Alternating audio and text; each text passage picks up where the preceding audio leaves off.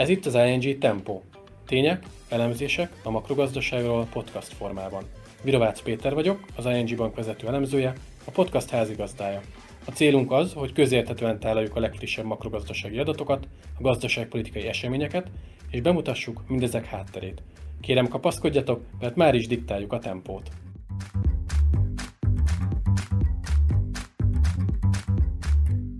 Sziasztok! Ismét én Virovácz Péter vagyok, és ez itt pedig az ING Tempo legújabb adása, amelyben az első negyedéves GDP-ről fogok nektek mesélni, egészen pontosan arról, hogy mit tudtunk meg ebből, és mi az, amit még mindig nem tudunk. Tartsatok ma is velem! Nos, kezdjük a tényekkel, mégpedig a makacs dolgokkal, a számokkal. 8,2%-kal nőtt a gazdaság éves alapon, ez egy gyorsulást jelent a negyedik negyedévhez képest. Hogyha negyedéves bázison nézzük a gazdaság teljesítményét, akkor bizony egy 2,1%-os gazdasági növekedést látunk, ami csak egy paraszthajszállal marad el a negyedik negyedéves növekedési teljesítménytől. Vagyis összességében azt mondhatjuk, hogy kifejezetten jól teljesített a magyar gazdaság az idei év első három hónapjában. És tette mindazt annak ellenére, hogy márciustól már valószínűleg azért a háború valamennyire éreztette a hatását. Na de itt jön be a képbe az, amit nem tudunk. Nem tudjuk azt, hogy ez milyen mértékű hatást jelentett, milyen mélységben érintette ez az első negyed évet. A háború, a szankciók, ezeknek a negatív hatásai. Egyelőre magukat a részleteket sem látjuk még az egyes ágazatok szerint, vagyis nem tudjuk, hogy pontosan melyik szektor hogyan teljesített. Azt azonban már tudjuk, hogy a piaci várakozáshoz képest egyébként jobb lett az első negyedév gazdasági teljesítménye. De ahhoz, hogy lássuk, hogy pontosan honnan származik a meglepetés, volt egyetlen olyan szektor, amely kifejezetten felelős ezért a kellemes meglepetését. Nos hát június 1-ig kell majd várnunk erre, akkor közli ugyanis a Központi Statisztikai Hivatala részletes adatokat. Addig is annyival kell beérnünk, annyit tudunk, hogy mely szektorok voltak, amik viszonylag jól teljesítettek. A KSH első jelentés alapján azt megtudtuk, hogy bizony az ipar összességében jól teljesített az első negyedévben, ezen belül is külön kiemelte a statisztikai hivatal az élelmiszeripart, a kőolaj ágazatát, a villamosberendezés gyártást. Én azt gondolom, hogy ezekben nincsen akkora meglepetés, de nyilván mind a három szegmens valamilyen úton módon érintett akár a háborúból kifolyólag, akár a bizonytalanságból fakadóan, akár az átsúlyozás, ugye itt gondolok például az autógyártókra, akik elsősorban ugye az elektromos modellek felé helyezték a hangsúlyt a gyártásban, vagyis nyilván a villamos berendezések gyártása ebből a szempontból továbbra is egy fontos szereplője marad az iparnak, míg maga az autógyártás azért összességében gyengébben teljesíthetett. De nyilván a szolgáltató szektor is köszöni szépen jól érezte magát az első negyedévben. Ugye a KSH szerint, vagy a KSH elemzése alapján, gyors elemzése alapján a vendéglátás, szálláshelyszolgáltatás, kereskedelem, logisztika, ezek voltak a legjobban teljesítő szolgáltató ágazatok, és azt gondolom, hogy alig ha lepődhetünk meg ezen. Ugye a Covid utáni kilábalás még mindig zajlik, a háztartásoknak még mindig van kényszerű megtakarítása, amit szeretnek felélni. Hát ebből bizony jut a vendéglátószektornak, a szálláshelyszolgáltatásnak, a kereskedelemnek, és nyilván továbbra is zajlik a termelés, a szállítás, ezért a logisztika ágazatnak tesz kifejezetten jót. Tehát itt igazándiból alig ha van meglepetés, itt maximum hangsúlyok eltolódása lehet az, ami majd érdekességet jelent a részletes adatokban.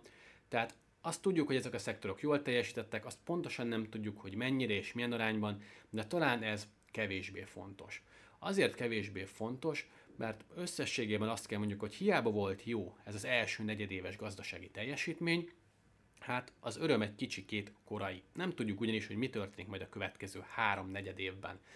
Hogyha egy normál gazdasági környezetben lennénk, nem lenne háború, nem lenne energiaválság, akkor abszolút azt mondanám, hogy a rendkívül jó volt az első negyed év, Valószínűleg a teljes elemzői közösség hát uh, szuperlatívuszokban beszélne a magyar gazdaságról, és optimista lenne a kilátásokat illetően.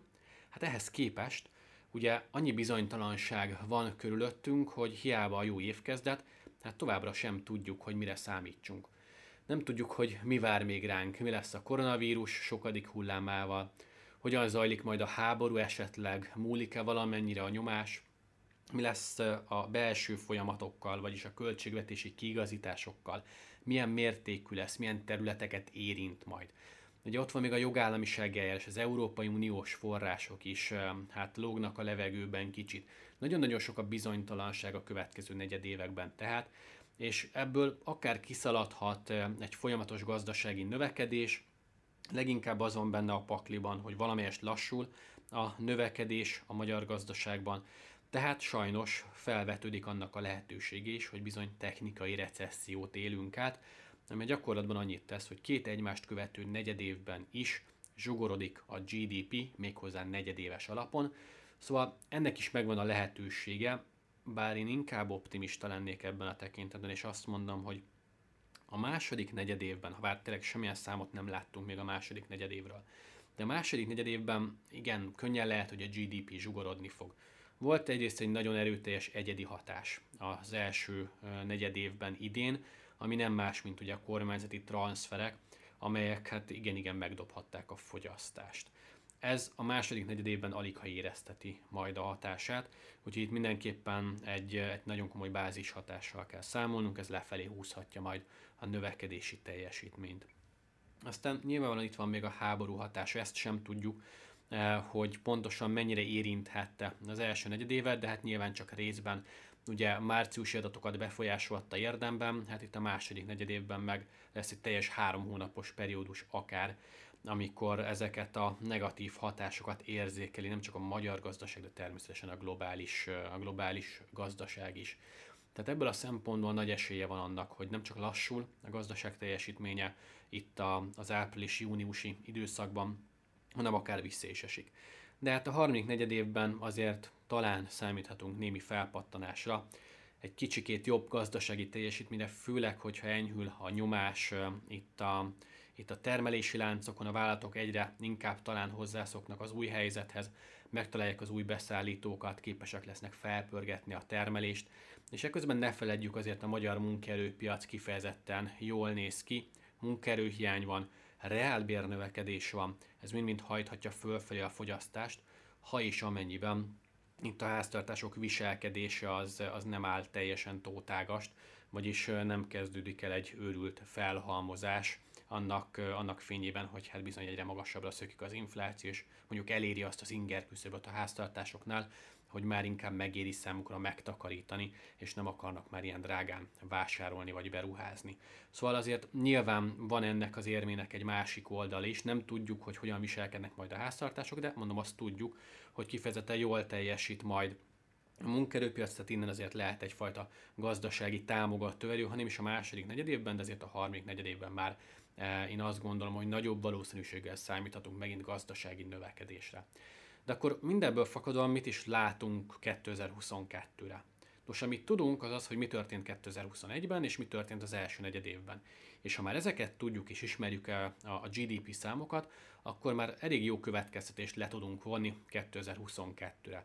Némi kis statisztikai varázslással megkapjuk azt, hogy mekkora az áthúzódó hatás, ugye kvázi mi az a lendület, ami segíti az idei gazdasági növekedést, és hát mit ad ehhez hozzá az első negyedév. És hogyha ezeket figyelembe vesszük, akkor hogyha azt nézzük, hogy a következő három negyed évben egész egyszerűen nem nő a reál GDP, tehát nem mozdul meg a GDP, stagnál a gazdaság, még akkor is képes lesz a gazdaságunk átlagosan 2022-ben egy közel 5%-os gazdasági növekedést produkálni.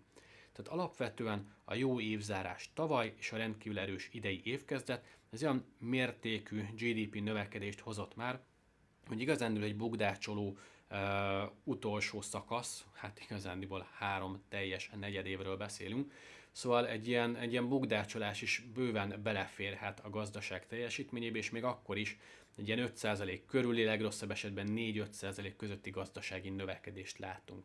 Na de, ahogy elmondtam, azért alapvetően az látszik, hogy a vállalatok optimisták, e, továbbra is van rendelésállományuk, magasabb, mint egy évvel korábban, vagyis ha oldódnak, enyhülnek a kínlati korlátok, akkor fel lehet pörgetni a termelést. Szintén, ami, ami az én optimizmusomat táplálja, az az, hogy a vállalatok továbbra is munkaerőhiányra panaszkodnak, nem tervezik leépíteni a munkaerőt, bíznak abban, hogy ezek a zavarok átmenetiek lesznek, és ha ezeknek vége felpörög a gazdaság megint. E, nyilván, ha ilyenkor most elbocsátanák a munkaerőt, akkor sokkal nagyobb költség lenne, és sokkal nehezebb lenne visszaépíteni a termelői szolgáltatói kapacitásokat, úgyhogy mindenki ragaszkodik a munkaerőhöz, ez nyilván segíti a gazdaság teljesítményét most is, meg előre utal arra egy proxy arra vonatkozóan, hogy igenis a vállalatok optimisták és, és csak átmeneti zavaroknak tekintik ezt a mostani helyzetet.